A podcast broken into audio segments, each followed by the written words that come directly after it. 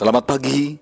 Janganlah engkau lupa memperkatakan kitab Taurat ini, tetapi renungkanlah itu siang dan malam, supaya engkau bertindak hati-hati sesuai dengan segala yang tertulis di dalamnya.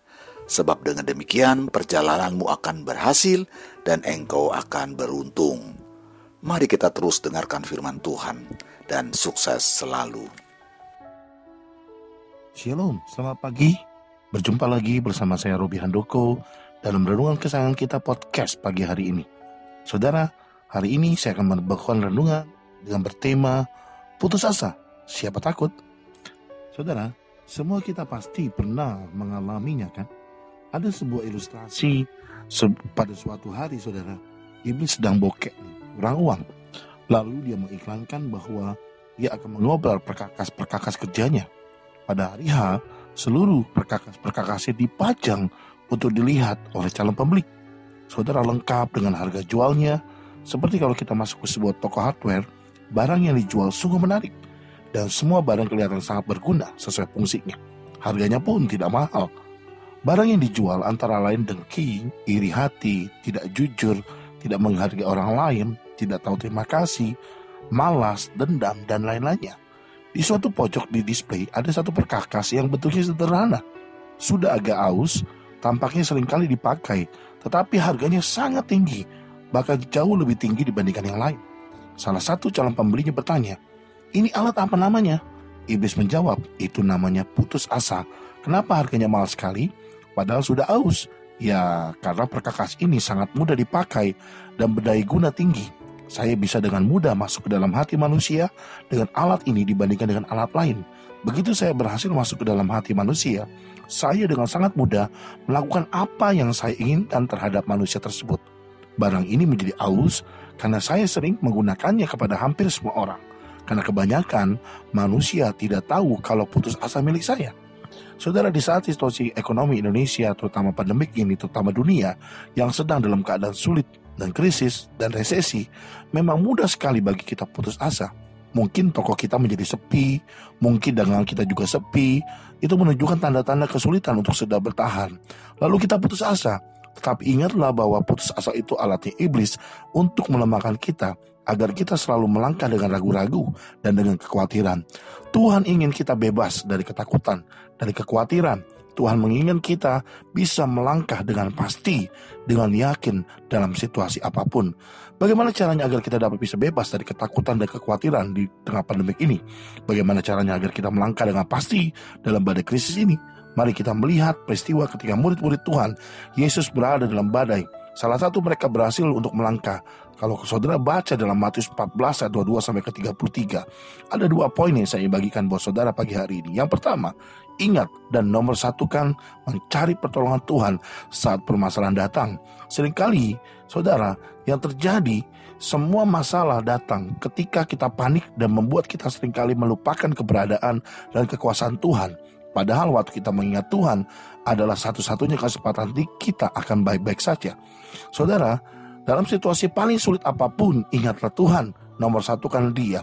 Sebab Tuhan mampu menjaga dan memulihkan hidup kita. Jika iblis memberikan kepada kita keputusasaan, Tuhan memberikan kepada kita harapan dan jalan keluar. Amin.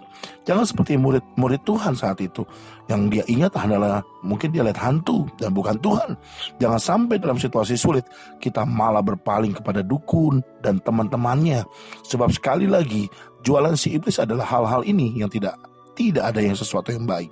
Dengan menomorsatukan Tuhan, maka kita berjalan bersama dengan Tuhan. Dan kalau kita berjalan bersama Tuhan, maka kita akan mampu untuk melangkah dengan pasti di dalam badai sekalipun.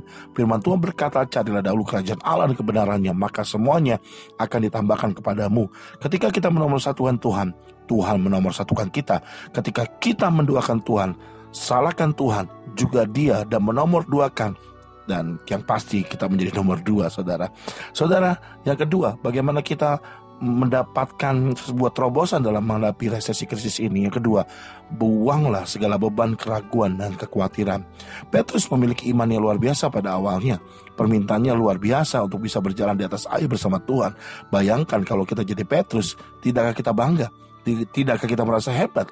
Peristiwa ini membuktikan kepada kita satu hal penting bahwa bersama Allah kita bisa melakukan hal-hal yang mustahil. Mari kita katakan bersama, aku bisa berjalan di atas air. Kalaupun tampaknya mustahil, aku bisa melakukannya bersama Tuhan. Coba saudara ulangi kata-kata itu. Tetapi pada waktu itu Petrus setelah berhasil berjalan di atas air, lalu karena merasakan kuatnya tiupan angin, akhirnya menjadi takut, ragu, khawatir, dan akhirnya tenggelam. Petrus gagal berjalan dengan pasti dalam badai karena ia menjadi khawatir dan takut. Saudara, mengenai kekhawatiran firman Tuhan dengan jelas mengajarkan pada kita bahwa kekhawatiran tidak pernah menghasilkan apa pun kecuali kerusakan. Kekhawatiran tidak akan memperpanjang umur kita, melainkan malah memperpendeknya. Banyak sekali penyakit manusia dapat dihubungkan dengan rasa kekhawatiran atau stres. Saudara, apa pun saat ini, melainkan pada waktu kau stres, kau dapat membuat usaha kita semakin bertambah buruk. Yesus mengatakan kalimat ini, Jangan khawatir akan hidupmu, akan apa yang kau makan dan kau pakai. Tidak berarti makanan dan pakaian itu tidak penting, tetapi Yesus mengajar kita mana yang lebih penting. Maka dia mengatakan bukankah hidup itu lebih penting daripada makanan dan tubuh itu lebih penting daripada pakaiannya. Jangan dibalik saudara. Yesus mengatakan jangan sampai kebutuhan akan makanan itu menjadi sesuatu yang terus kita pikirkan melebihi hidup yang seharusnya kita perhatikan. Jangan sampai kebutuhan akan pakaian menjadi sesuatu yang terus kita pikirkan dan melebihi tubuh yang harusnya kita rawat. Tuhan sudah berkata, kita lebih berharga dari burung dan bunga di pinggir jalan. Juga Tuhan merawat burung dengan menjadikan makanannya dan mendandani penampilan rumput di pinggir jalan. Sudah tentu pasti bahwa Tuhan menyediakan kebutuhan kita akan makanan dan pakaian. Karena situasi ekonomi bertambah buruk, karena khawatir akan masa depan, mungkin kita berpikir untuk semakin kita bekerja keras sampai merusak tubuh kita. Kita lupa makan, kita lupa minum, lupa tidur. Tapi apa hasilnya? Tidak ada yang baik dan yang luar biasanya. Di saat kapankah Tuhan mengirimkan berkatnya kepada kita? Apakah kita sedang bekerja? Apakah kita sedang tidur?